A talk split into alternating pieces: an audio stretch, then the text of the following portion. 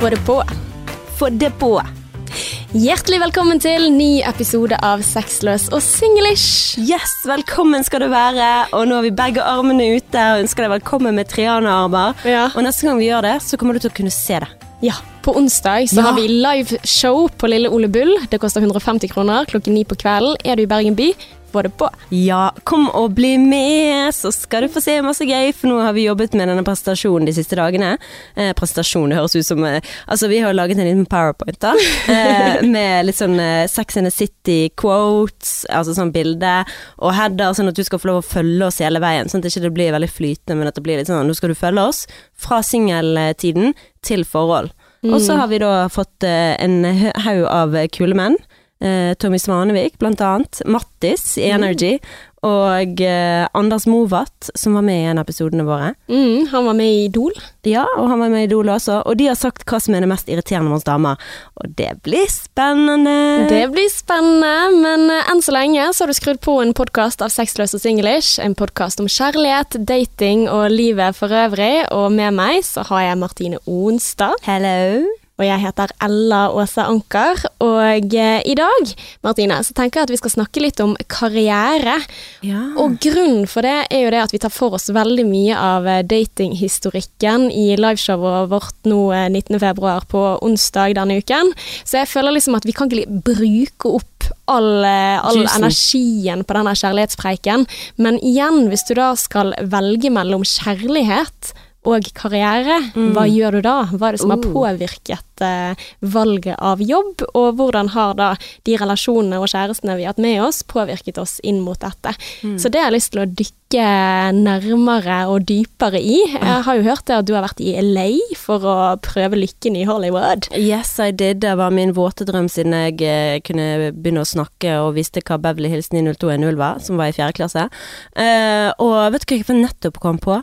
Ehm, på et eller annet tidspunkt uh, i karrieren min så var jeg villig til å gi jobben min til en som jeg datet. Altså, jeg, Hæ? gi Fordi at jeg fikk en jobbmulighet, Oi, oi, oi, dette og så var jeg jeg villig til å bare gi den til han. Gi fra deg jobben. Jobbmuligheten, ja. Oi, oi, oi, dette Hvor jeg her tenkte liksom, kanskje det er bedre at han får den jobben. What? Mm. Må være en dårlig jobb, da. Neida. Nope, det var det ikke. Det var det ikke. You will be Jeg, shocked. jeg gleder meg veldig til å høre Martine, men uh, aller først må jeg høre hvordan har uken din vært? Oi, uken min den har vært uh, veldig bra, men jeg har vært syk, så det har vært uh, en, en, eh, en lett versjon av å jobbe, sånn jobbe light. For jeg var på sending da, på 5000 Bergen, hvor jeg jobber som programleder i Morgenfesten. Der var jeg alene, doing the solo show, så det var heavy, for jeg kjenner man har vært syk. Så da og så har jeg gått hjem rett etterpå, for jeg har vært syk jeg òg. Men det er helt utrolig, det er så typisk norsk å starte med at nei, det går helt fint, jeg har vært syk og jobbet til tross for at jeg har vært syk. Det er ikke høres- typisk norsk. Jo, men det høres ikke bra ut, da. Ja, men det er ikke typisk norsk, og Jo, det kan jeg bare fortelle deg. Folk skulle- bruker en sykemelding, og de er sånn I slutten av året så er det sånn Hm, jeg har mer sykemeldinger igjen, de må jeg huske å bruke. Sånn føler jeg nordmenn er late som faen. Men det var ikke det jeg skulle si, Martine. Hva var det du skulle si da? Jeg skulle si at det er typisk at man sier at man har det bra, til tross for at uh, ting ser ut til å gå ganske dårlig. Ja, at men- man starter med å si sånn herre Nei, jeg har det helt fint, jeg ble påkjørt før i dag, men uh, ja, det går greit med meg. Jeg syns ikke det er sånn her. Ikke? Jeg syns det er veldig sånn følsom eh, samfunn som Au, au, au, liksom hoster litt, jeg er syk, jeg ligger for døden. Jeg føler hele Norge har sånn her eh, manflu. Jeg føler vi tåler ingenting. Jeg er aldri syk, og hvis jeg er det, så vet jeg ikke om at jeg er syk. Ja, jeg burde vært hjemme fra sending denne uken her, i hvert fall et par dager. Men eh, det gjorde jeg ikke, for da hadde ikke vi hatt noe sending, og for meg så var ikke det aktuelt. Og jeg syns flere burde ha litt mer denne holdningen. Ja, jeg mener jo ikke at du skal gå på jobb og smitte hele gjengen, men du kan jobbe hjemmefra. Du Mm. dør ikke. De fleste av oss ligger hjemme. Altså, nå vet jeg ikke om hvordan det var syk, da, så jeg skal ikke snakke. For Ja. jeg blir aldri Jeg føler meg i hvert fall aldri syk. Om Mm. jeg så er syk, så føler jeg det ikke. Ja. Så kanskje folk har det verre enn meg. Jeg snakker jo bare ut ifra mitt eget ståsted. Jeg mener jo det at av og til når jeg hører meg se på den podden, jeg må bare si. Sånn som forrige episode, når vi eh, snakket om eh, det eksempelet fra han gutten, da. Mm. Eh, Fyren som mente han hadde en dame som var litt slem av noen av hadde mensen. Mm. Jeg føler jeg var veldig eh, For ut ifra det vi sa høyt, og måten vi snakket om det på, det, så følte jeg var veldig dømmende. Og det liker ikke jeg. For jeg prøver ikke å være dømmende. Men det å ha liksom en taleopptaker på ting du sier, da kommer det tilbake igjen til deg. Det er det vi skulle hatt i krangler. Ja, det var det jeg tenkte. Det du sa der, det var så genialt. Jeg bare, ja, vet du hva, det skulle vi. Jeg hadde sikkert blitt kjempeflau. Hadde jeg vært flue på veggen eh, og hørt min egen stemme når jeg eh, blir sur på Adrian for ingenting. Mm, og så ser man at eh, 'du sa jo det', så er det sånn 'nei, jeg, jeg sa faktisk ikke det'. Mm. Det hadde vært så fint, det hadde Ja. vært så nydelig. Men ja. ja, nei, jeg er ikke helt enig med sykemelding-tankegangen, da. Altså sånn jeg tenker at veldig ofte så møter jeg folk som er litt for syke til å være på jobb, og jeg stoler på at de som er hjemme fra jobb er syke nok, da. Og mm. jeg tror det er Ofte så er det på en måte ikke den sykdommen som vi tenker på som sykdom, at eh, feber Altså det kan være andre ting som gjør at man er hjemme fra jobb, og det, det har jo ikke vi som er på jobb noen ting med, hvorfor folk ikke er der. Mm. Så jeg tenker vi må være rausere i eh, Ja, men det er det vi skal være så jækla forståelsesfulle, og jeg syns jo det, jeg òg, men samtidig så er det sånn veldig sånn Du vet den der karakteren i parterapien som skal puse på armen? mm, At det blir liksom samfunnet vi skal puse hverandre på armen hele tiden Og og, forstå hverandre. Ja men, eh, ja, men nå skal ikke vi gå helt inn på den greien der, men eh, nei, uken min har vært bra utenom at jeg har vært syk, så har det vært bra. Jeg mm, har måttet ligget veldig mye hjemme, og det er jo, syns jeg, da blir jeg litt sånn utålmodig. Men um, jeg har jo vært på date. Har du? Ja, det var jo Valentine's Day. Ja, stemmer. Herregud, jeg har glemt Valentine's Day. Ja, så jeg gleder meg til å høre om din Valentine's Day. Mm. Men um, nei, så skryt av. Ok. Um, men eh, nei, så jeg visste jo ikke hva Adrian hadde planlagt da, for han hadde, hadde en overraskelse til meg. Jeg var jo egentlig syk, måtte egentlig ligge i sengen, Mm. men um, han overrasket meg med date, og det var da å se Planet Earth, det er sånn der, eh, men den der eh, Filmen havversjonen, dokumentaren, vet du. Ja, den som er mest uh, streamet, BBC, eller noe sånt. Planet Earth, med han der uh, som prater han der engelske Han der, er- Ja. han der er der. Ja, jeg har jo ikke sett så mye på det, men det var i hvert fall i bakgrunnen. Det var ikke noe sånn at det var noen som snakket eller noe sånt. David Mm. Attenborough. Mm. David Attenborough. Eh, det var ikke sånn at han pratet, men Bergen Filharmoniske Orkester de oh! spilte mens vi så dokumentar av eh, havverden og hvordan det er Hvordan vi har utforsket mer verdensrommet enn havbunnen vår. For det, det, går så langt ned at du kommer ikke Wow. det er så høyt trykk. Det var bare så utrolig fascinerende og kult med den musikken. Det var i Grieghallen. Så det var sånn eh, Det er sånn kjæresten min er. Sånn. Ta med meg eh, på Jeg visste, jeg skjønte jo ingenting. Han fortalte meg at det skulle være en tale Mm, det sa du til Eh, meg. ja. Ja. klokken seks. Jeg bare sånn Tale? Da er det i hvert fall ikke standup vi skaper. Det er ikke verden, for jeg så jo på Facebook-arrangement og prøvde å finne, men det var Å, ikke ja. Bergen Filharmoniske Orkester på Facebook-events. det var det ikke. Så, men det var helt nydelig, altså. Uh, så vi satt der, og jeg satt der, og jeg satt der, og jeg bare vi kommer dit nå, så skal ikke du nekte meg å drikke vin. Hæ? Liksom, jeg snakket med på PT-stemme. Ja. Jeg Du skal ikke nekte meg å drikke vin, sa jeg, for jeg tenkte liksom at uh, nå det må syk, så eh, få Ja, det må med. Ja, det må Men- med, så ja. Det hørtes veldig Veldig fint ut. Mm. Altså det å høre på klassisk musikk, eller var det klassisk, Ja, det er jo eh, det er sånne ork orkester. Ja, samtidig som man kan se på noe så fint. Åh, Mm. Ja, det var så fint. Og så fikk jeg jo litt dårlig samvittighet, for han sa mange av disse bildene er jo for flere tiår siden, og mye har skjedd siden da. Um, og nå kan ikke jeg, stod, nå kan ikke jeg faktaene mine. Eh, men eh, isen holder jo på å smelte vekk, og mange av dyrene er utryddet. Eller fiskeartene og sånn. En val, det var en hvaltype som var bare 3000 igjen av. Eh, og det er så mye plast og drit rundt omkring at han sier det er helt eh, sinnssykt. Men også ville han ikke at vi skulle gå hjem med dårlig samvittighet, så han viste oss noe morsomt fra pingvinverden. Men jeg satt jo bare og tenkte vi er så fæle, vi fortjener ikke denne verden. Ja. Så, um, men Mm. utenom det så har det vært en veldig bra helg. Det var en bra valentine. Det var en bra valentine, kjempebra, veldig koselig. Fikk ingen roser eller noe sånt, men eh, jeg fikk jo en opplevelse, så jeg skal ikke klage. Mhm. Nei. Og det Fikk ikke roser. Nei, jeg fikk Nei. ikke roser. Nei. Nei. Men eh, ja, og ja, egentlig Det var vel egentlig det. Mm. Ja, det eh, eneste jeg tenkte på sånn forholdsmessig, jeg skal bare duppe litt inn på det. Det er sånn, jeg vet ikke om du har opplevd det sjøl, men føler du av og til at du eh, har nødt til å være der som Kristoffer er i oppussingsfase, eller sånn. Altså, jeg føler meg litt sånn låst til hjemmet i helgene. Liksom på søndager Ja. istedenfor å gå og ta meg en kaffe med en venninne, så klarer ikke jeg helt å avtale å gjøre det. Ja. For jeg føler at jeg må være der i tilfelle han trenger hjelp, eller i tilfelle vi skal Å, det er så irriterende. Og jeg satt han, jeg holdt på å gå i veggene, for du trenger meg i fem minutter, så trenger ikke du meg. Mer. Mm. Ja, nei, men jeg, jeg kjenner veldig på det, men det er jo ikke nødvendigvis at jeg trengs, men det er hvis én jobber, og jeg kjenner liksom på den at ja, men jeg har ikke noen ting å gjøre på akkurat nå, det stresser meg veldig, da. Mm. For jeg liker ikke å se på at han gjør noen ting for vårt hjem, og jeg liksom gjør mine egne greier, sitter og leser en bok, eller gjør ting som bare er for meg, da. Selv om jeg også gjør ting når han ikke er hjemme, men når vi er hjemme begge to, da sliter jeg skikkelig med det. Mm. Så det Men øh, ja, det er Har et du- problem. Har du et tips til Har du funnet ut av for deg sjøl? Nei, jeg sliter med det selv, jeg. Ja. Mm. Så nei, jeg vet heller ikke. Han sier jo du må jo bare gjøre det du sjøl har lyst til. Dra nå ut til din mor, da. Så bare ja, men nå er det for seint. Mm. Eh, så sa han, nei, men da kan vi gjøre det sånn at eh, istedenfor at jeg skal hente deg hvert femte eller en gang i timen for å hjelpe meg med noe, så kan jeg samle opp og sørge for at alt er klart, sånn at, du, kan, at du kan hjelpe meg, og så kan du gå Mm. ut av huset. Men jeg, jeg snakket faktisk med en kollega om akkurat det der. Det der at vi damer, det er generaliserende som bare fy, men jeg kjenner meg igjen i det, da. At vi planlegger for begge to. At Ja. vi på en måte ser for oss, altså bidrar Altså, nei, vår, nå begynner jeg å tulle med ordene, men uh, at vi har partneren i planene våre hele tiden når vi lager våre egne planer, mens de ikke gjør det samme, da. Ja. Ofte. At Det det er liksom sånn, jeg bare kjører min greie, gjør mine ting, og så får Ella hive seg på. Mens jeg tenker sånn, ja, men når kommer du hjem?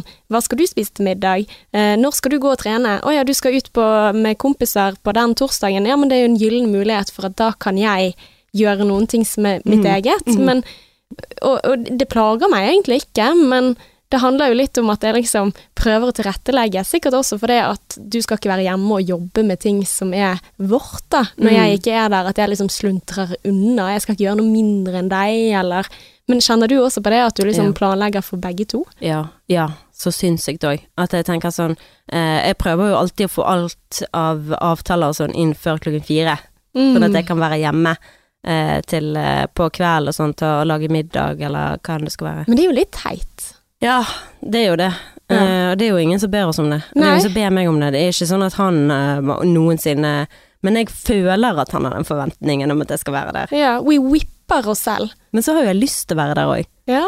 så jeg vet ikke. Nei, men jeg tenker liksom altså For det her har vært noen ting som har plaget meg med meg selv, da. Mm. At jeg gjør det der automatisk. Og jeg tror ikke det bare er kjærester. Altså når jeg bodde i eh, Cape Town med studentvenner, så var jeg også veldig sånn på at jeg må, jeg må planlegge hva de skal gjøre, sånn at det passer med mine planer. Sånn at vi kan være tilgjengelig med, til å spille kort samtidig. Altså, jeg, jeg tenker mye mer relasjonelt, da.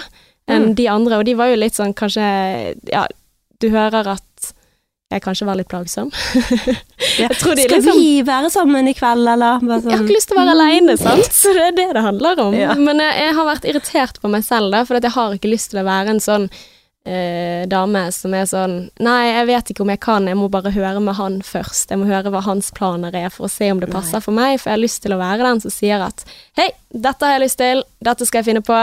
Eh, jeg driter i han, men blir, det blir mye mer viktig da å Ja. finne den kvalitetstiden som man får sammen. Men du kan jo eh, Det som går an å gjøre, er jo at eh, du bare sier ja, jeg, må bare sjekke opp eh, i det. Jeg gir deg Mm. en lyd. Jeg trenger ikke å si jeg skal bare høre med kjæresten min. Ja, men det er jo det jeg gjør. Men jeg vet jo med meg selv at det handler om at jeg skal høre med han. Mm.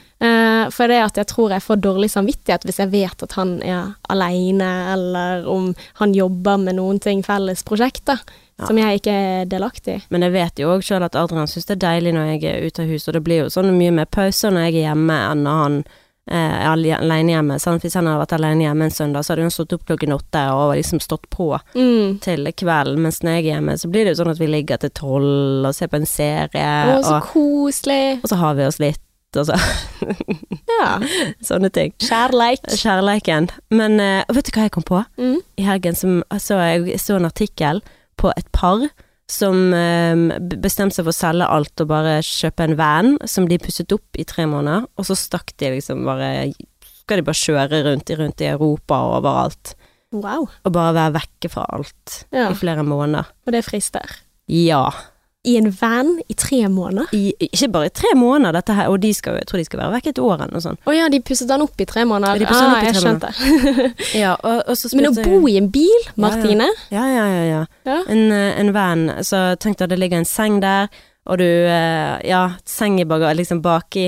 Nei, Ja. det høres helt magisk ut i mitt hode, men han begynte jo å snakke om at han ville ha en sånn firehjulstrekk Mm. som du hadde telt på taket og sånn. Jeg bare Nei. Too uh, pro. Ja, for det, ja, det blir liksom sånn teknovan. Jeg vil ikke ha noe teknovan. Nei, men jeg sånn- kjenner noen som har sånn, eh, som de reiser rundt i, i om sommeren og sånn, da. Eh, hvor de har liksom en seng bak i bagasjerommet og sånn. Ja. Men eh, jeg tror det hadde vært hyggelig i en helg. Altså, jeg er ikke spesielt glad i å kjøre bil. Jeg er ikke spesielt glad i å ha liten plass. Og ja, I don't think it's for me. Nei, men det er det jeg mener. Meg og Adrian vi er perfekt for hverandre. Altså, Vi har de samme drømmene. For det, vi kom jo egentlig frem til at vi begge kunne gjøre det, lett gjøre det. Mm. Dra til Asia. Eh, Kjøre til Asia. Wow. Ja. Kjøre til Asia. ja. Bye bye Norway. Altså, jeg bare sa til han, jeg bare du, vi har all den friheten i verden til å gjøre hva vi vil. Mm. Hvorfor kan ikke vi bare ta så stikke? Vi kan permittere oss, bare være vekke noen måneder. Sayonara. Adios. Og bare møte mennesker og leve fra dag til dag og bare bli kjent med folk og Åh, dere skulle jo drevet en sånn reiseblogg. Ja, vi har sånt couple goals Instagram-feed. Ja, ja, ja. Nei, uff. Ja, men det hadde jo vært den perfekte karriereløsningen. Ja ja, det hadde jo Mm. det. Sånn sett at du kunne fått inn penger på den måten. Mm. Mm. Men nå skal vi over til deg, Ellabella. -hmm. Mhm. Ja, hvordan har du hatt det siden sist? Hva skjedde på Valentine's Day? Ja, på Valentine's Day, vet du hva, jeg våknet opp og hadde, det sto øh, blomster på, øh, altså roser på, øh, hva heter det da? Frokostbordet? Ja. Eller middagsbordet? Jeg bruker samme bord, ja. Det sto liksom klart da når jeg sto opp, og da var det sånn, Å, det er så hyggelig, Mm. det er utrolig kjekt. Uh, men resten av Valentine's Day, den uh, gikk til Ikea. Å ja. Ja. Og uh, jeg er en grinete person når jeg går inn på Ikea, for jeg føler at jeg har brukt litt for mange timer på Ikea, men jo da, det ble Ikea. Og så løpte vi Han løpte maraton, og jeg løpte halvmaraton på lørdag. Så da ble det liksom til at det ble eh, tidlig i kveld, sant? vi skal tidlig opp i morgen, og ikke noe alkohol, men vi får spise god mat da, i det minste. Og så skulle vi liksom lade opp til at lørdag skulle være vår dag, da. Ja, fordi du løp eh, halvmaraton på lørdag. Ja, jeg gjorde det. Litt sånn på sparket, egentlig. Eh, fordi at det var meldt veldig dårlig vær, så vi måtte liksom sjekke på kvelden. Ok, blir det halvmaraton eller ikke? Eh, og det ble det. Jeg skulle bare gjøre det. Altså Ja, forventer du deg tårer nå, Martine? Forventer Nei. du deg tårer? Nei. Nei da. Skal du grine? Nei, jeg skal ikke grine. Okay. Nei, det var en fin opplevelse, det. Eh, løp på samme tid som jeg pleier å gjøre, holdt jeg på å si. Eh, dødsbra. jeg føler det. Jeg var liksom ikke egentlig innstilt på at jeg skulle prøve å gjøre noen ting noe fort, for dette er treningsløp, da, tenkte jeg. Men så møtte jeg en dame eh, på veien som løp sånn cirka like fort eller sakte, alt etter som, som meg selv. Og så ble vi på en måte venner underveis, da, meg og en på eh, 52. Og hun hadde løpt mange løp før, og liksom snakket med meg om de tingene der, og eh, vi løp liksom i ulikt tempo, da, så det var liksom sånn at når vi møttes, var det sånn hei, hei, der er du igjen, ja, ja, ja, og så prøver jeg å løpe fra, men så tar hun meg pokker meg igjen, sant. Og så på slutten så ser jeg det at ok, hvis vi skal klare 2.10 nå, så er vi nødt til å speede opp, og jeg og eh, hun, vi speeder opp, og hun løper som bare det. Altså, hun, hun fikk meg så opp i fart at du aner ikke. Og det jeg fikk vite etterpå, for når vi var i mål, så klemte vi hverandre og var liksom sånn yay, og sant? vi pushet hverandre og sånn. Hun perset. Og jeg tar det på min kappe, altså. Og jeg heier henne. Hun perset. Hun Fantastisk. perset. Og jeg, vi, vi tok akkurat på den eh, målstreken samtidig, og jeg var liksom helt sånn der Så det, det var veldig kjekt. Ja, og tiden var 2.10. Ja, 2.10,40 et 2.10,40. eller annet. Ja, det er jo Ja. dødsbra. Herre fred. Det Det er er, jo- det er jo ikke dødsbra, men det er bra for å være en som uh, ikke har uh, Altså som hadde problemer med å løpe til bussen. Ja. Mm. Mm. Så jeg, jeg er veldig imponert av meg selv. Jeg har sett deg løpe. Jeg vet du er god på å løpe. Jeg løper jo med deg. Eller småjogget, eller hva du skal kalle det. Ja, Du en- sleit jo ikke for fem flate øre på den strekningen der, Men og da- jeg bare Men da kan jeg si takk til deg, da, for det er du som har lagt eh, kilometer inn i mine bein. Sant? Og i går også, da tok vi sånn restitusjonsjogging, så nå Å, eh, herregud, dere er nå- sånn der, eh, Sånn vi burde være. Ja, men det ble liksom til at vi skulle ut og spise på kvelden, men det betyr jo da at vi På lørdagen. Ja. Ja. Men vi er jo Melodi Grand Prix-fans. Ja, meg og kjæresten. Dere er det begge to. Oh yes. You are made for each other. Det tenker jeg også. Jeg Ja. er bare så glad i han som er glad i sex og singelliv og Melodi Grand Prix. bare yes! Men det som var kjipt, var at vi hadde glemt det. Så vi hadde bord ute på restaurant, så da hadde vi gitt hverandre sånn forbud. Vi kan ikke gå inn i media, vi kan ikke gå inn i sosiale medier. Eh, men så får jeg en melding fra mamma om at eh, Faen for noe drit, liksom. hva, hva er greia? Jeg får ikke stemt! Og jeg bare tenkte sånn Pokker, nå går det ikke mamma sin vei, vei. Da er det ikke Didrik Solli Tangen som vinner. Nei, det er nok ikke Og var det. han med i år igjen? Ja, han og broren, for at mamma elsker han. Men, men hun var så sint, og så sier jeg sånn, du må ikke si noen ting, du må ikke si noen ting. Så vi går hjem etterpå og sitter oppe til sånn halv to for å se på Melodi Grand Prix, og da skjer jo det, det store. Oh my fucking god! Du følger ikke med på Melodi Grand Prix? Nei. Nei, dette her er engasjerende, Martine. Å ja. Ja, det er skandale! Ja, det fikk jeg med meg. Jeg fikk med meg nyhetene, men jeg har ikke Mm. sett uh, selve showet. Men jeg syns så synd på deg, alle sammen. Ja, for det var jo det at det var for deg som kanskje ikke har fått det med seg, men du har sikkert det hvis ikke du bor under en stein, for det sto overalt. Men uh, det var i hvert fall eh, problemet med stemmingen, for at de hadde sånne smiley face-avstemning. Ja, og det syns jeg var så dårlig, for det, det ble jeg sint på når de hadde sånn emoji-rein-likes-greier. for da var det ett fjes som var sånn avventende fjes, som var sånn her eh, surt eller noe sånt, eller ikke surt, men sånn strekfjes. Og jeg syns det er så dårlig gjort at i et samfunn hvor vi fokuserer så mye på likes og popularitet og alt mulig sånn, Så legger og, de opp til det. ja, så legger de opp til at man skal ha sånne her eh, avventende fjes på folk. Vi skal heie på hverandre, vi skal ikke sitte og sende hate. Og det blir jo på en måte det nærmeste hate du kommer. Ikke det at det var mange som hatet i det emoji-regnet, men allikevel, I don't like it. Og så er det det som gjør at det ikke går.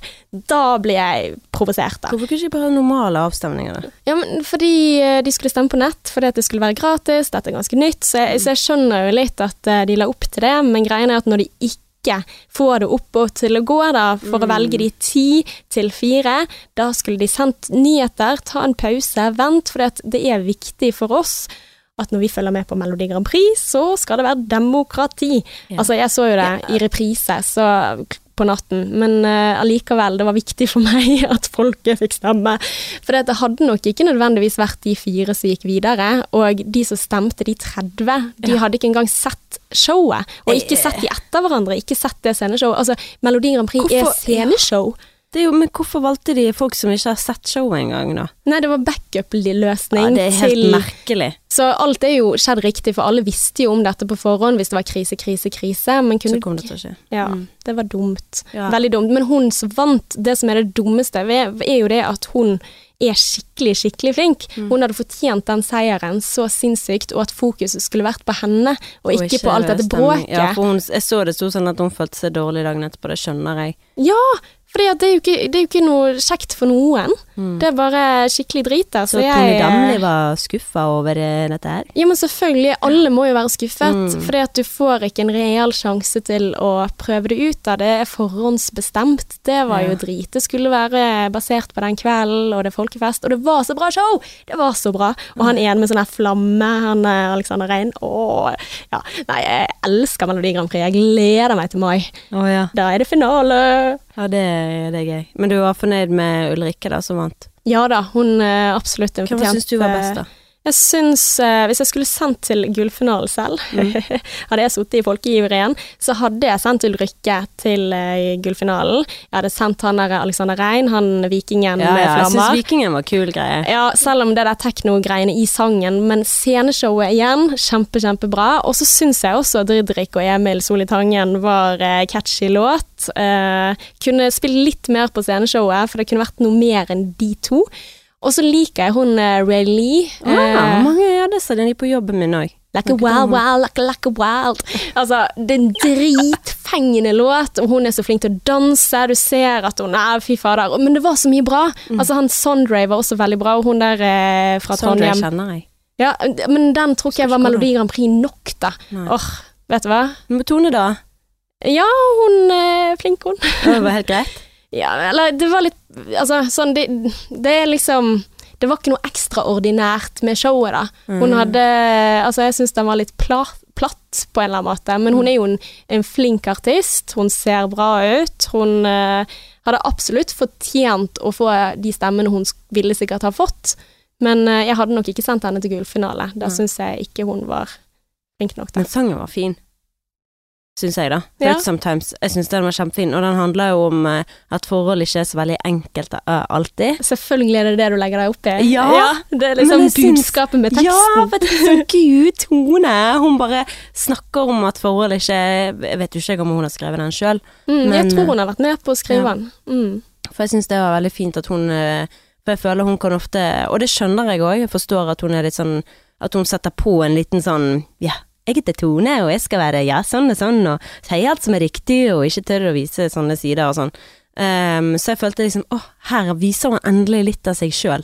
Og ikke bare det som hun føler folk forventer av henne. For jeg skjønner at hun har satt opp den muren med tanke på at Medie-Norge har stormet rundt henne. Skal ikke gå inn i for hun var greien da. 16 år. Ja, virkelig. Det var sånn Britney-tendenser på Tone i Norge. Mm. Så jeg forstår jo at hun får en liten sånn polert uh, greie. ja, men hun var faktisk ganske åpen om det i det forintervjuet, da. For der sa hun det at jeg har hatt lite selvtillit med tanke på å skrive tekst, og dette her er noe eget, da, og det er viktig også å si det at det av og til er vanskelige forhold, men det er viktig med de grunnverdiene. Sant? Vet du hva, det er så Ah. fantastisk. Det er bare Melodi Grand Prix som kan få meg til å være våken så seint, og være så engasjert, og så når det, det smeller, så er det en liten del av meg som tenker litt sånn åh, litt action.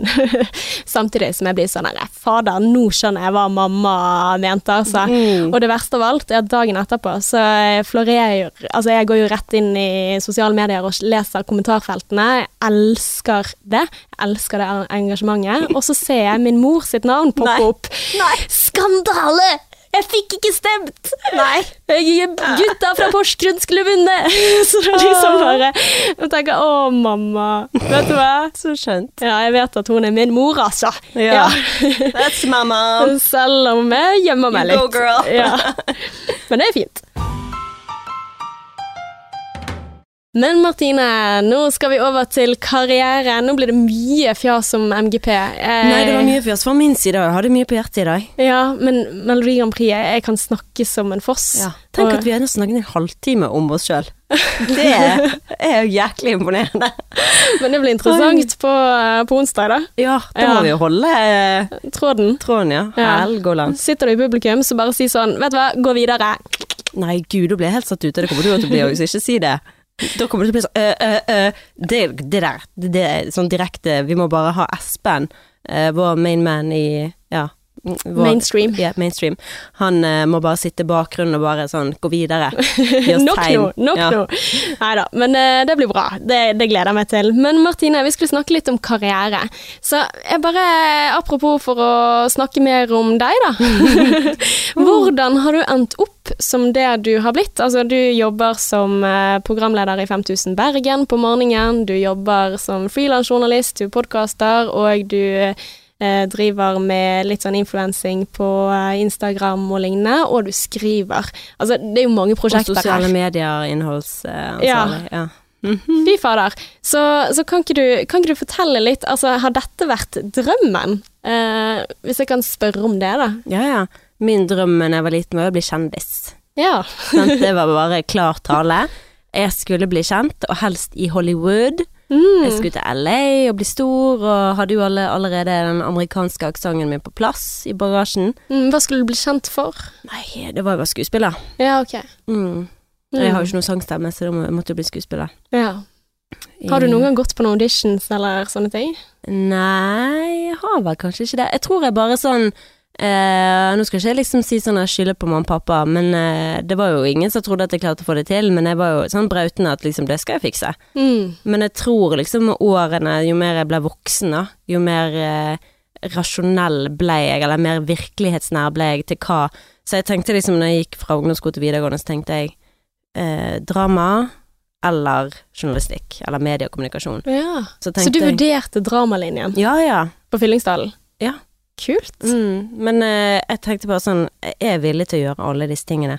For jeg er jo egentlig en sånn som ikke helt tør å drite meg på den måten ut og være sånn Å, nå skal vi overdrive og tøyse, ja, du', og sånn. Altså, jeg blir jo dritflau av å eh, Når vi er på ferie og alle sammen skal danse den samme Mm. dansen. Skjønner du? Og de der lekene This is a shoe, a shoe, a shoe, a shoe, a shoe. Ok, a shoe. Og så skal du liksom ha ja. sånn her eh, Ja, men det er jo sånn Ja, sant, eh, det, det hadde jo bare vært dueden for meg. Ja. Jeg klarer jo ikke det der. Sånn, jeg syns jo teaterfolk er rare, eh, og det er liksom no offence. Men det er det som hadde holdt meg Jeg føler meg truffet. ja, men sant. Det er sånn, ok, men det er jo bare utrolig kult at man tør. Jeg syns jo det er kult at de tør, Mm. men for min egen del så er det sånn, he-he, jeg hadde, når jeg var på det der Friends eh, på Lille Ole Bull, Mm. og måtte gå ut på scenen og danse. Og Sånn, improvisere. Ja, men altså improvisere er én ting, men det å danse, Mm. eh, sånn tøysedanse foran alle sammen, det var bare sånn, jeg hadde jo bare lyst til å bare shoot me now, for jeg, synes, jeg blir så flau. Oh. Jeg blir så flau. jeg tror jeg aldri har sett deg flau. Kan du please danse på onsdag? Nei, det jeg blir bare sånn he-he, meg som smiler og du bare ser at jeg inni meg bare har lyst til å være alle andre steder enn å stå her og danse. Men, Mm. Så det gjorde jo at jeg valgte mediekommunikasjon Ja. og valgte journalistikk, for jeg tenkte liksom hva er den enkleste veien? Jeg har liksom gjort det hele veien, for jeg har aldri vært interessert i skole, så det å jobbe hardt for å komme inn på universitetet, ikke aktuelt. Mm. eh, gidder ikke. Og så er det sånn, hvordan kan jeg komme inn på et eller annet? Så det så jeg jo, når vi, du vet når du går rundt og ser på hva som finnes eh, på sånn her eh, Når du skal gå videre for videregående, Mm. og så går du på en sånn dag der du får se på alle skoler, og du får Ja, ja, ja. introduksjonstilbud og sånn, eller sånn. Du, ja, du blir kjent med alle skoler som finnes da. Mm. Og sånn, hm, NKF. Så, hvordan kommer man inn her? Nei, du bare må skrive søknad, bare. Winning! Så ble det den, da. Betal, Ja. Koste hva det koste ville. Jeg betalte jo dritmye, hva var det, 50 000 i halvåret. Oi, satan. Yes! På videregående? Nei, etter videregående. Ja, etter videregående. Gud. eh, NKF. Ja, ja. Så jeg gikk jo journalistikk på NKF, og ja, jeg hadde liksom en klar tanke hele veien. Så første dagen på NKF så sa jeg jo til læreren min Du, hvordan kom det for jeg hadde sett på nettet at det var noen som hadde vært i utplassering. Mm. På andre året så går du i utplassering Mm. hos en bedrift. Mediebedrift. Eh, Og da sa jeg du, så det var noen som var Så så jeg at det var noen som hadde vært hos TV 2. Mm. Det første dagen jeg bare Hei, hvordan kan jeg komme inn eh, på TV 2 når vi skal utplassering andre året? Og hun bare ehm, Du må nok eh, jobbe hardt, og så får vi se. så hun var jo liksom What the fuck, hvem er du? Du, Ja, ja. du, du kan ikke bare komme her og spørre om det, du må jobbe hardt for det, sant? Ja, men du trenger jo den der eh, pågangsmotet, da, for å i det hele tatt komme i den posisjonen hvor du kan vise hva du kan, da. Mm. Altså, det er jo en fordel i den bransjen å være sånn Hei, hei, jeg eh, har ikke så mye sånn skam da knyttet til å si at her er jeg, dette vil jeg, dette er min drøm, this is it, på en måte. Ja, og det, det er jo sånn jeg har vært, sant. Det er bare sånn Ja, men det skal jeg gjøre. Ok, hvordan kan jeg gjøre det? Mm. Uh, Men det- Men jeg må si eh, oppfølging til det du sa, Uh, fordi at uh, jeg syns jo det er veldig rart egentlig at du sier at du ikke gadd og at det var grunnen, for at du er en av de mest hardtarbeidende menneskene jeg kjenner. Men ikke når det kommer til skole eller ting jeg ikke har lyst til. Nei. Sånn, Så jeg er veldig sånn eh, Og det sier jo Adrian òg, Mm. sånn som med oppussing. Han sa på de tingene som du har lyst til å jobbe hardt med, jobber du så jævlig hardt. Mm. Men de tingene som du ikke har lyst til, som oppussing, eller matte, eller historie Altså hvis ting ikke er Ikke dette er enkelt heller, men det er liksom hvis det ting er litt for vanskelig, eller jeg bare ikke vil det nok Altså jeg Mm. bare vil det ikke nok, det er ikke viktig nok for meg. Da gidder Ja. jeg ikke. Så det var, sånn var det med skole, da. Ja. Bare hadde ikke lyst. Så det var bare sånn nei, skal jeg ikke, jeg trenger ikke det. Nei. Så har jeg liksom alltid funnet sånne veier, da. Um, men da endte jeg jo opp i TV 2 Underholdning. Så da var jo første runde var jo sånn vi ble plukket ut, meg og en annen. Mm. Og det er faktisk Katrine som er sammen med Atle Pettersen, så det er litt morsomt. Mm. Men um, da uh, endte vi opp med å bli spurt om å komme i TV 2 Sporten. Og Katrine var sånn nei, det kan jeg ingenting om. Og jeg bare sånn ja, men jeg er villig til å lære. Hit Ja. Jeg begynte å lese meg opp på ting på sport og sånn som det her, da, og prøvde å Var det lære i meg. sporten du startet i? Nei, nei. Nei. Eh, og så eh, Katrine var jo bare sånn nei, det vil jeg ikke. Eh, så de begynte jo å søke på andre ting, da, i TV 2. Og så endte vi opp i Oslo. TV 2 Underholdning i Oslo. Wow. Så det var jo egentlig bare winning for min del. Men det Ja. var bare, jeg ville bare inn i TV 2. Jeg spilte ingen rolle hvor, hvilken avdeling det var. Jeg skulle Ja. finne ut av det og lære meg ting. Men jeg er jo veldig glad for at det var underholdning. Å, jeg hadde håpet det var sporten, for jeg har jo min erfaring med TV 2-sporten. ja, ja, som vi sant. har eh, snakket om tidligere, som ikke var en kjærlig god en, for jeg kunne ikke en dritt. Men uh, ja. Men uh, da var du veldig heldig, da. Jeg var det, og endte jo Altså mine, en av mine første intervjuer var liksom Jan Thomas, og det var liksom disse store navnene sant, som jeg syntes var kjempeskummelt i starten. Eh, og skulle intervjue disse her eh, ja, Jeg kommer ikke på alle navnene, og jeg glemte jo til og med jeg sa feil navn til de, og nei, jeg dreit meg så mye ut. Men altså, ved å drite meg ut og overfor de som jeg var mest redd for, som var kjendisene, som var på en måte min sånn store sånn wow-kjendiser, Ja. Eh, så er det bare sånn, så har jeg virkelig ingen Jeg bryr meg ikke om de er kjendiser, eller om de er en uteligger på gaten. Det spiller ingen rolle Mm. hvem jeg intervjuer. Jeg blir ikke redd for en kjendis lenger, så jeg er jo veldig glad for at det startet der på en måte. Ja, ja, ja. For jeg har null frykt. Men det som skjedde, var at jeg fikk eh, sommerjobb videre. Mm. Og så eh, var det jo snakk om eh, å få jobb videre derfra igjen, da. Mm. Men det fikk ikke, tilbudet fikk ikke jeg engang. Katrine fikk det. Mm.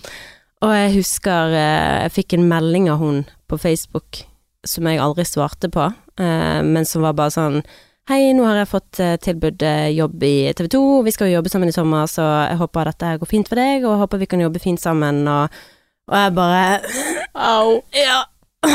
Og jeg bare Ja, jeg, jeg, jeg følte meg bare sånn hele verden raste sammen, sant. Å, fy Hun, og hun er typ den populære jenten som du sammenligner det med. Ja. Og hun som jeg husker jeg spurte, spurte min nåværende kjære, syns du, syns du ikke hun var pen? Og han bare nei. Bare, hmm. Men så hun var jo veldig pen, eh, og er jo veldig pen, og det er ikke det, men det var bare sånn jeg kjente sånn Det var veldig sånn konkurranse eh, jobbet med henne i TV 2, det var utfordrende. Men ja. um, ja, for, for er du en sånn konkurranseperson, på en måte? ja, kanskje jeg er det. Ja. Kanskje jeg er det. Eh, Jeg følte i hvert fall veldig på det Altså, jeg var ikke det oppi det, for dette husker jeg kunne gi fra meg Hun bare 'Har du noe jeg kan jobbe med?' Eh, Så ga jeg fra meg sakene mine til henne. Mm. Og så når, når det var andre veien, så var det 'nei, Nei. har ingenting'. Nei. Er dere venner i dag? Nei, men jeg kjenner jeg har ikke noe forhold til henne. Hun skrev til meg på Facebook for en sak, så jeg har ikke noe imot henne eller noe sånt som det der. Det var jo bygons be bygons, for god's Ja, nei, sakes. jeg vet ikke hvem det er, men Å, nei. eh, bare- nei da, men eh, herregud. Nei, jeg snakker ikke med henne, hun bor i Oslo, og det var jo bare sånn vi kjente hverandre gjennom Mm. skolen. Men eh, nei, så hun fikk jo jobb videre, og så tenkte jeg ja ja, hva gjør jeg nå da? Da må jeg bare dra til LA. Fy fader, Martine, Så- dette her er så rart at jeg ikke vet om deg. Ja. Du, du nevnte det når vi snakket om hva vi skulle snakke om. Uh, ja, jeg har vært i LA. Jeg bare hæ? Og dette her i Ja, nei, fy fader. Hva, hva skjedde? Hvorfor dro du til LA? Og hvor gammel var du? Jeg var blitt eh, Det var i 2011, så jeg var 21. 21 år, blitt 21, og skal dra aleine til Ja, ja, ja. Liksom? Dra til LA, men jeg meldte jo meg inn i en sånn, for jeg tenkte sånn, jeg har ikke lyst på UCL, nei, hva det heter det det klisjé-reisegreiene, EF. Jeg hadde ikke lyst til å ha det på rullebladet mitt, skulle du si. Altså Erasmus eh, utvekslingsstudent? Erasmus? Ja, det heter det. Sånn, Heter det? Ja. Nei, jeg har ikke peiling jeg, om det er det det står for. Men i Europa heter det i hvert fall det, hvis det er sånn gjennom universitetet. Men eh, jeg Nei, vet nei, ikke hva du nei, nei, nei, om. dette er EF, det er jo sånn her for alle disse kidsene som kan betale om dyre dommer for å reise på studietur. Å ja, Har ikke fått med deg EF? Det var sånn trendy når vi var unge. Det er sant? EF. Jo da. Ja, ja. Ja, ja, ok.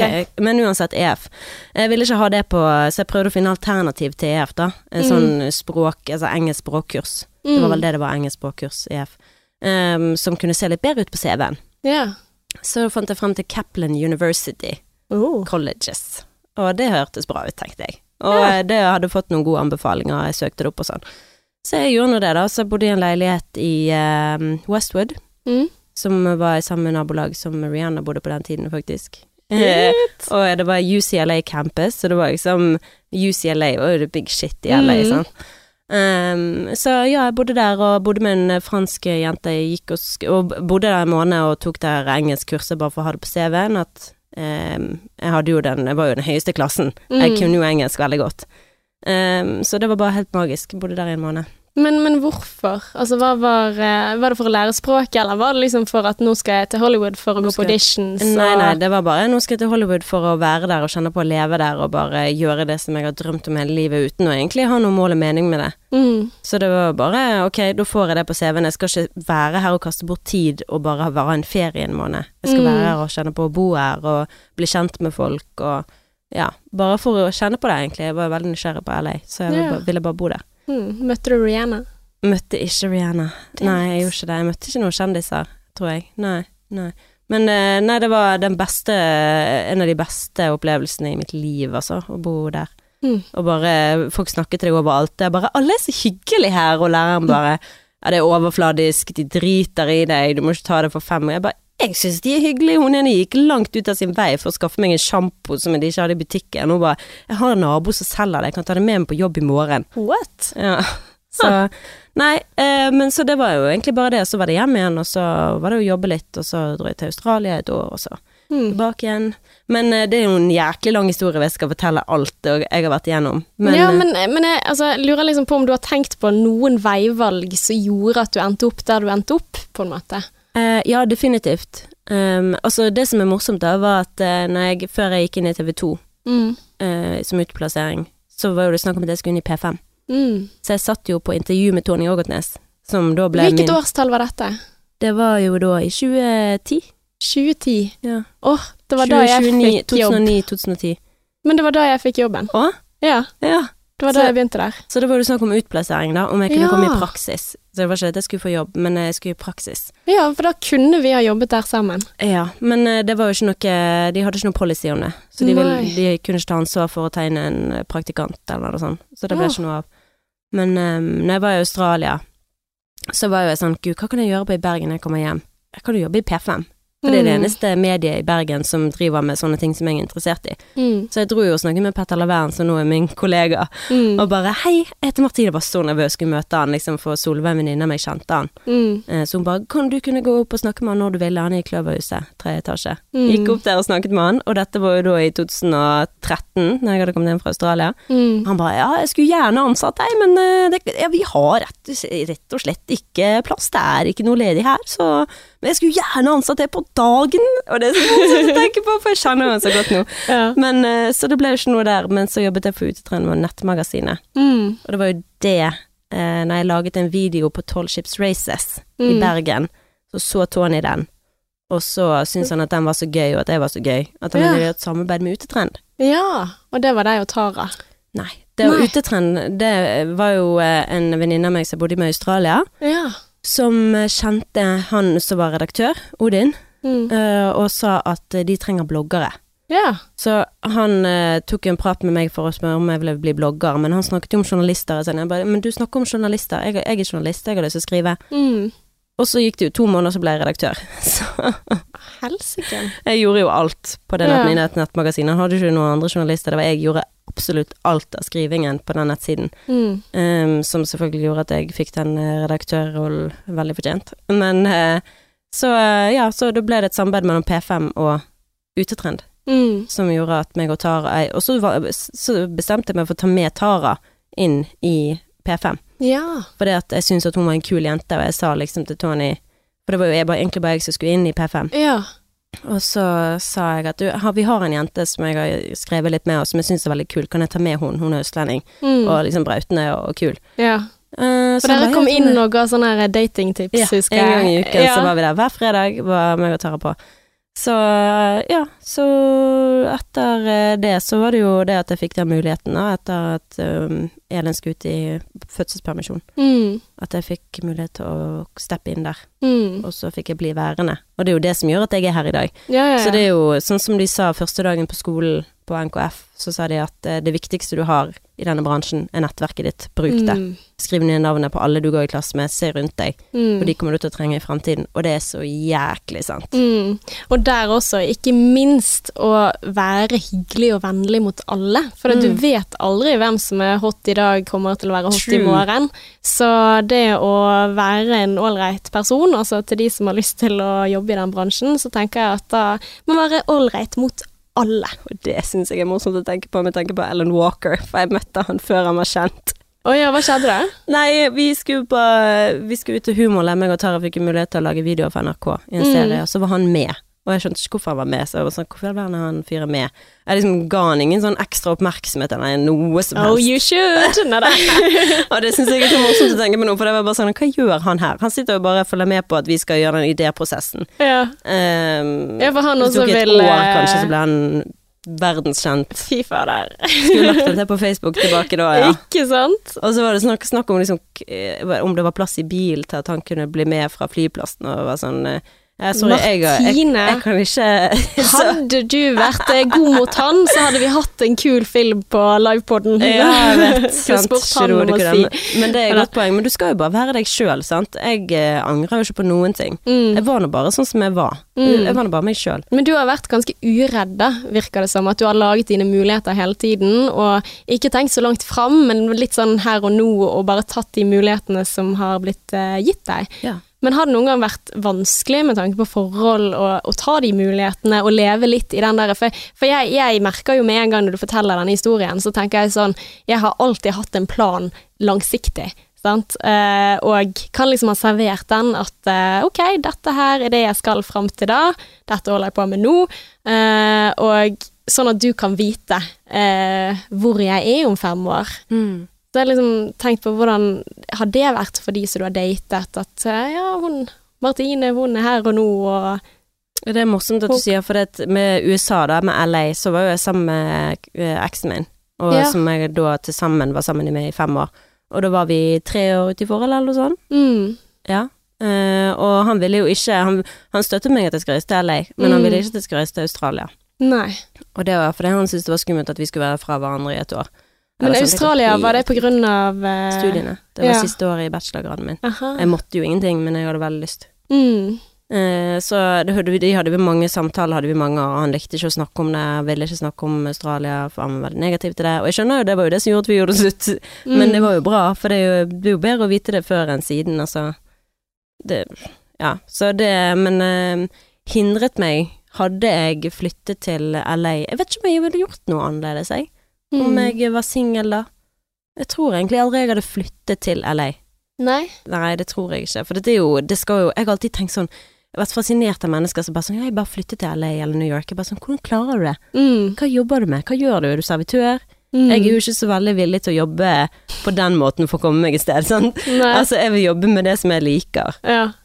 Er ikke så gira på å jobbe som servitør for å tjene masse penger og spare for å flytte og sånn. Mm. Men uh, Nei, så det, det, det Jeg tror egentlig ikke det har stoppet meg.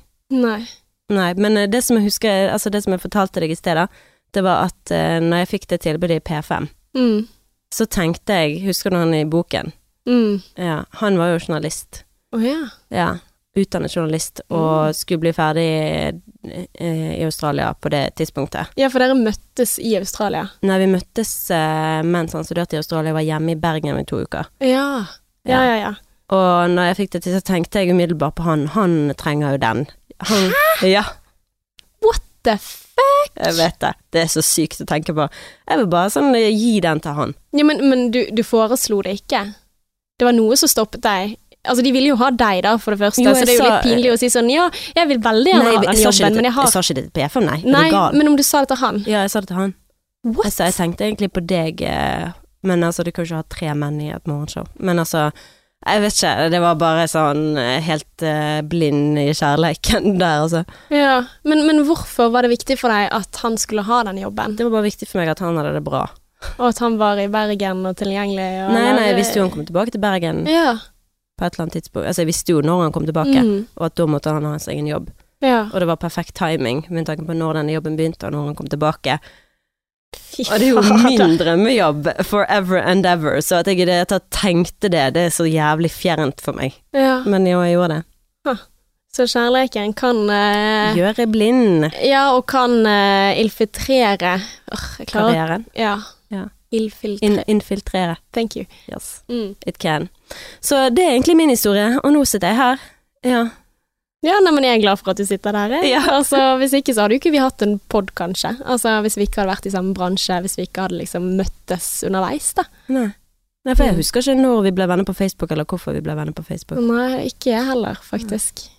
Men hvorfor er du her du er i dag, Ellebelle? Ja, nei, jeg har jo tatt noen sånne eh, omveier, da. Eller, eller egentlig ikke. Jeg har gjort de tingene jeg har hatt lyst til. Så jeg føler jo på en måte at eh, min drøm har jo vært å tørre det du har gjort, på en eller annen måte.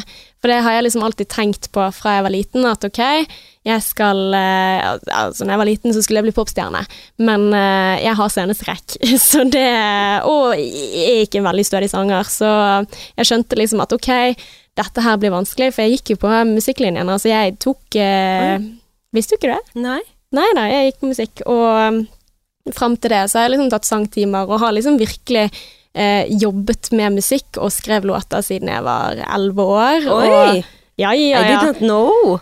Og sikkert tidligere også. Så du Eh, ville virkelig bli popstjerne sånn på ekte, ikke bare sånn childhood dream, du så du Altså sanger, da, ikke popstjerne, på en måte. Men, eh, men jeg jobbet veldig sånn ok, det er det jeg skal, og der igjen, sånn som du sier, at folk sier at det kommer du ikke til å klare.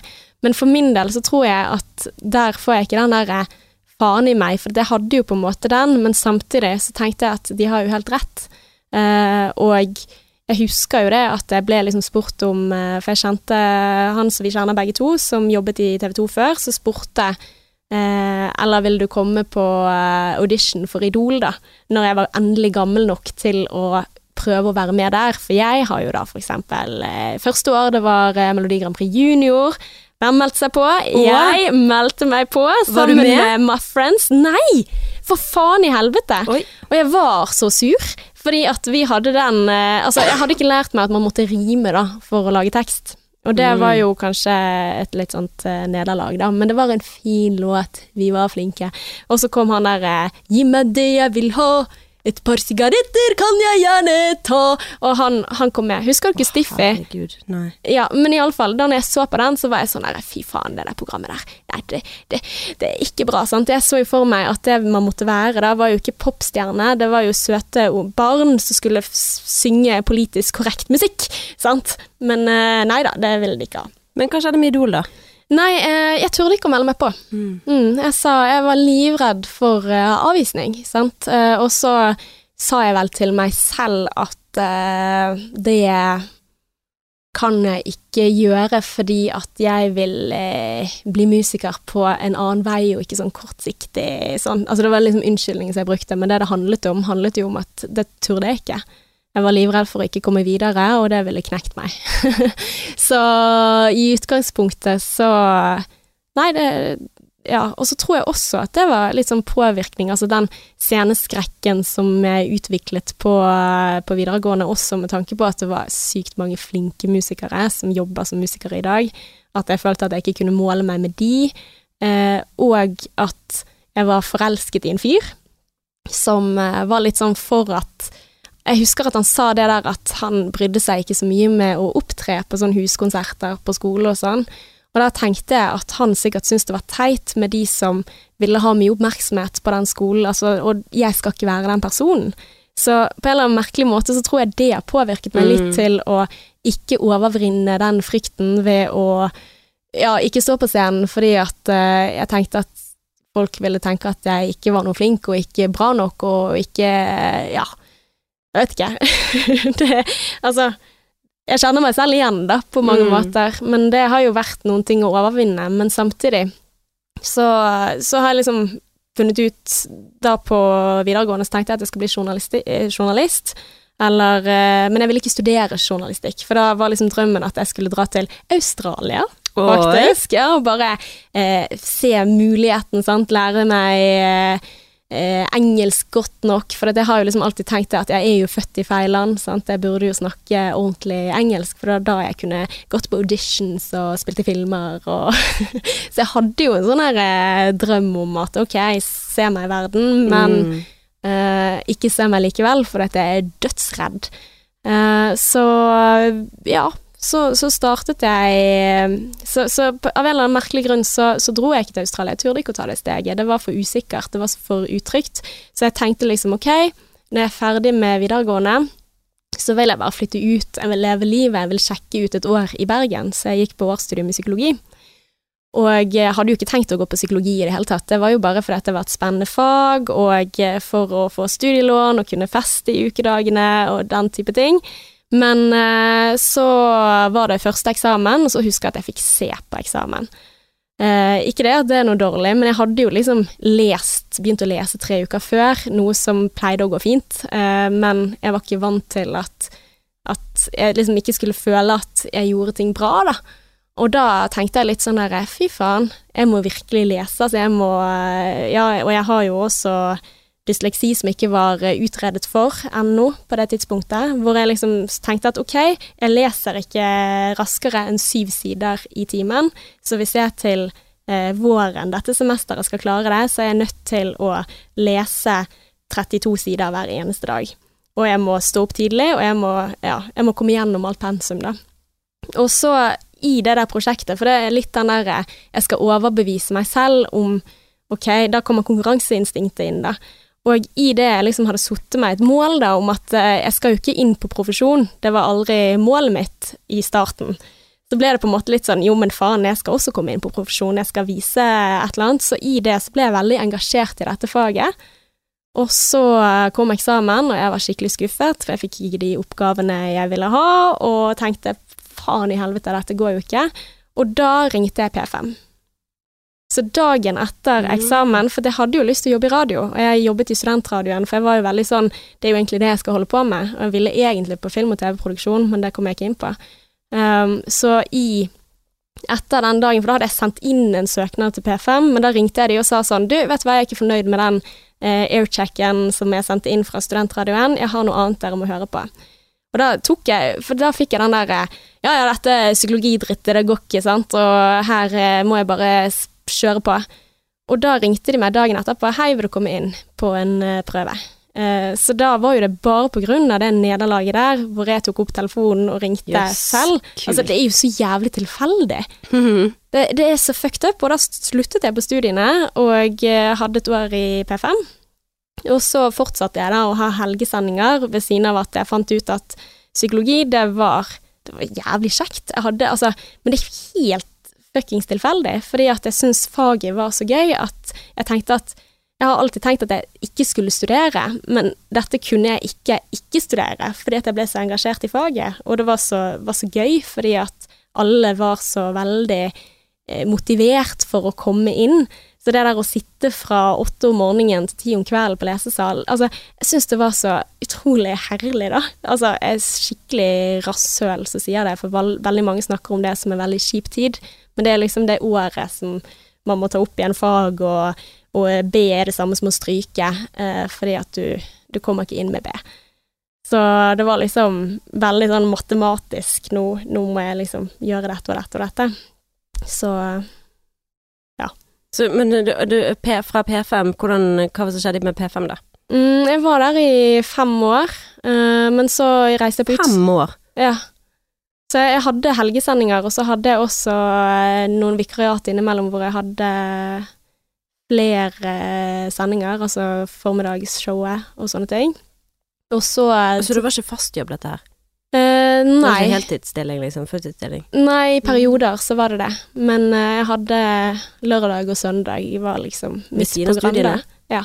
Ah. Så jeg jobbet jo veldig mye ved siden av, fordi at jeg tenkte at jeg hele tiden skulle holde to ting varme, da, på en måte. Så jeg skulle liksom både studere og ha denne her i backup. Helsike. Og så eh, skulle jeg på utveksling, og det var jo en sånn, igjen, sant, jeg har vært i forhold hele tiden. Eh, skal man liksom stikke av og, og ta det der halvåret i Cape Town og gjøre det som Altså, skal man la forhold stå i veien for den opplevelsen? Og det, det har jo ikke jeg eller kjæresten min valgt i det hele tatt. Han har tatt karriere, karrierevalg i utlandet som eh, eh, Ja, som også har vist meg at vi kan Vi får det til, liksom.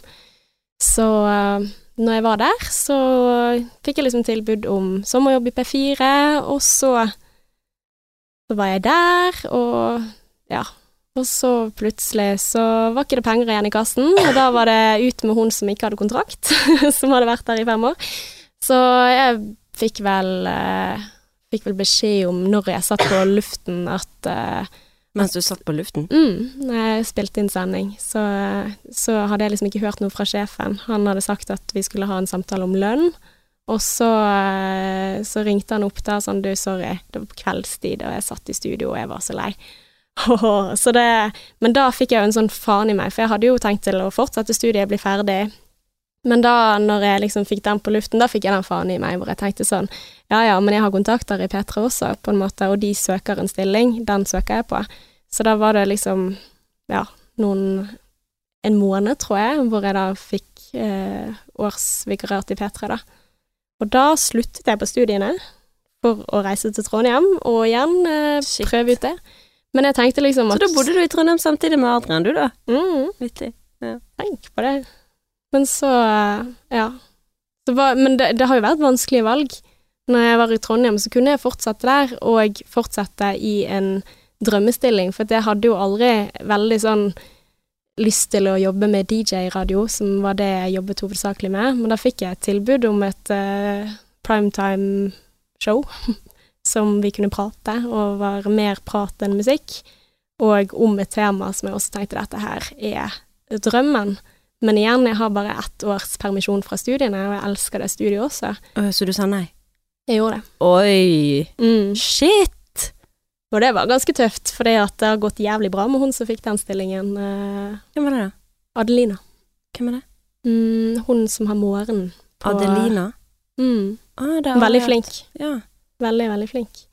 Men, eh, men det hadde jo ikke betydd at jeg hadde vært der, da. Men det, det er litt sånn rart å tenke på. Litt sånn shit, du kunne på en måte ha ja, for du valgte jo psykolog, eh, å bli psykolog istedenfor å jobbe i radio, du. Du valgte det over mm, mediebransjen. Ja.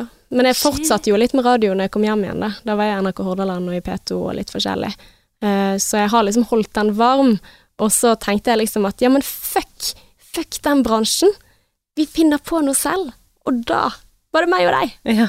Så tenkte jeg at dette her er jo nå, nå kan jeg holde på med det jeg har lyst til. Jeg kan preike med deg utenom musikk. Jeg har aldri hørt denne historien, eh, Ella. Det var veldig interessant. Mm. Og du skal jo være veldig stolt av deg sjøl. Tenk alle disse eh, kanalene som ville ha deg. Ja, men jeg har Altså, jeg har ikke følt at de har villet ha meg, da. Altså, jeg har eh, bitt meg fast som en blodigle. Hallo? jeg har ikke blitt kvitt meg. Du, både eh, alle P-ene ville ha deg, og eh, TV 2 ville ha deg, og NRK ville ha deg. Men der gikk jeg deg. rett ut igjen, da, i TV 2. Da ja, var det ja, men altså, de har jo headhuntet deg likevel. Ja, han Ja. ene som tok en dårlig beslutning der, altså. Men, Nei, men eh, uansett, du skal ikke tenke på det. Du skal tenke på hvor mange som har headhuntet deg. Ja, men samtidig så har jeg altså, For det, i den bransjen så skal du vite Altså, det å ha den holdningen som, som jeg hadde, da, sånn med tanke på det med musikk også, den der eh, ganske dårlige selvtilliten, at jeg er egentlig ikke verdt en dritt, til å bli sånn OK, fuck you, jeg har faktisk jobbet i denne bransjen i åtte år, nå har jeg litt pondus, og dette her er jeg verdt. Jeg, ikke, jeg gidder ikke å bli behandlet dårlig lenger, på en måte. Og dette her vil jeg, for det er ikke før du sier hva du vil, at andre legger til rette for det. For at du måtte være på, du måtte Altså, P2, jeg ringte hun opp og jeg terroriserte henne på telefonen, hun som skulle ansette meg. Det tok veldig lang tid før hun, hun eh, tok den telefonen, men jeg maste og maste og maste og maste og maste, maste, maste, maste, og var veldig klar på at vet du hva, det er synd for dere hvis dere ikke velger meg.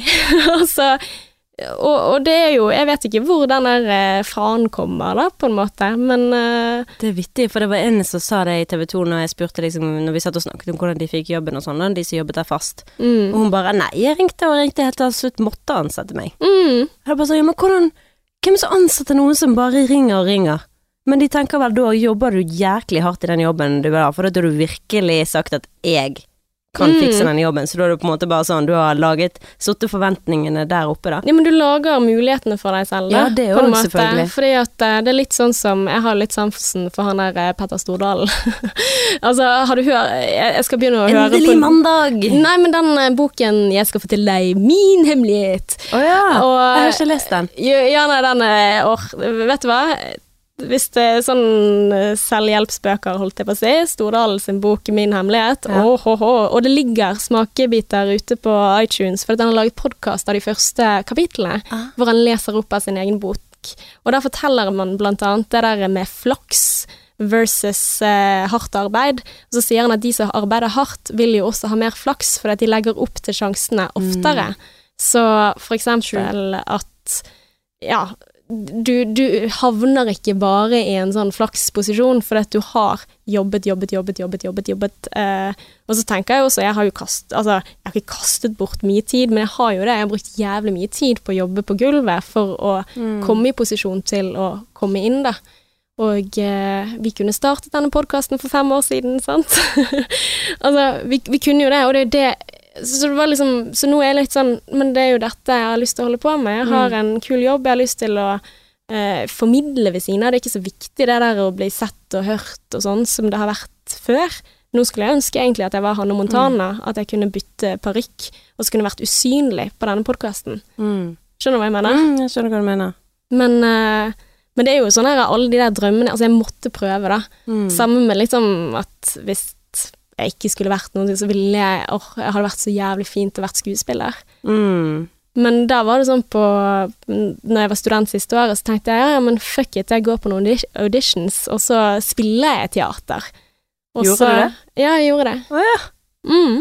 jeg gikk på Det var studentteater, men allikevel, de var sykt flinke, de som var med, og det var jo veldig flaks at de tok meg med, liksom. Men de, jeg var jo litt eldre enn de andre der, da, og de, hun som sminket meg, vet du hva hun sa? Nei. Hun sa eh, du har veldig lite rynker for å være så gammel.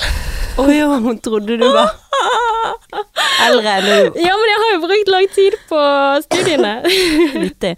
Ja. Men det som du sa i sted, eller når du snakker om karrieren din og sånn, så sitter jeg liksom og tenker selv, for jeg har alltid følt at jeg er sånn wildcard som ingen tør å stole på. Mm. Altså sånn i forhold til For jeg har aldri fått en jobb gjennom eh, en søknad. Mm. Aldri. Eh, og jeg føler ikke at folk har stolt på meg, da. Eh, og på en måte så forstår jeg det, men jeg vet jo hva som bor i meg. Men sånn som jeg hadde De hadde en stilling i God kveld Norge som jeg tenker ah, den burde jeg så sykt ha fått, men samtidig så var det jo ikke sånn. Jeg bare Går det an å jobbe fra Bergen? Mm. Sant? Og de bare ehm, Tror ikke det. Eh, og så var det jo en Jeg var jo inne, jeg har vært inne to ganger på intervju for Topp. Mm. Eh, ikke fått det, og jeg bare sånn Tenker jo hver gang at herregud, dere taper så jæklig på å ikke velge meg. Men eh, det er ingen som da har hatt stolt på meg gjennom en sånn prosess. Da har jeg ikke klart å overbevise dem på intervju og sånn.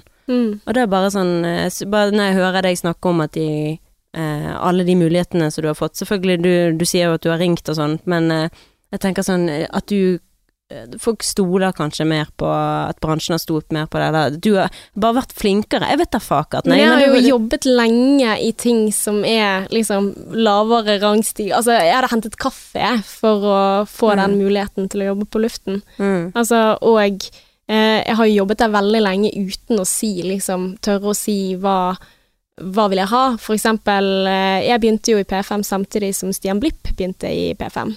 Og han var jo veldig tydelig på at 'jeg skal på TV, jeg skal eh, bli programleder i Senkveld'. Jeg tror han sa det i, i 2010. Sant? For det er det han skulle, og alle visste det, og alle la til rette for at jo jo, der, der skal du komme. Og det var jo ikke noe tvil. Han var jo dritgod. Han var jo sånn der eh, komet, en stjerne, sant, og, og stolte på seg selv. Hadde Viktig. finbygget de ferdighetene. Men jeg, jeg kunne aldri ha, ha gjort det på den måten, fordi at jeg aldri stolt nok på meg selv. Der har jeg liksom preppet og preppet og preppet på det jeg kunne, eller eh, liksom fått de ferdighetene, før jeg da har turt å sagt nei, vet du hva, jeg er verdt mer. Og når jeg har sagt de tingene der, så har jo jeg også gått på smeller, sant. Kom deg til helvete ut, liksom. Det er mange i kø bak deg. Det har jo vært en sånn bransje, eh, så ja. Men da må jo man istedenfor å si, legge seg ned og si at Da må man si nei, jeg er verdt mer, og så prøver man noen nye, og så har man Altså, jeg har bare Altså, jeg har så mye positivt å si om alle jobbene jeg har vært, og det er jo også å Ja, men jeg fikk lære der, sant. Mm. Eh, Ja, ja, ja. og jeg er takknemlig for det. Det har jo vært veldig kult. Mm. Um, så ja.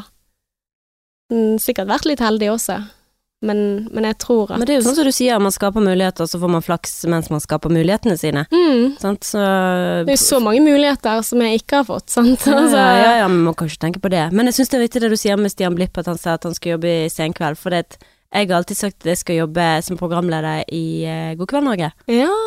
Eh, oh, du gikk... hadde passet som Dorte Ja, jeg vet Skappel, det. Og jeg gikk bak Dorte på vei til Gullruten, og så gikk jeg og tenkte, og det er mange, mange år siden. Mm. Mange år siden.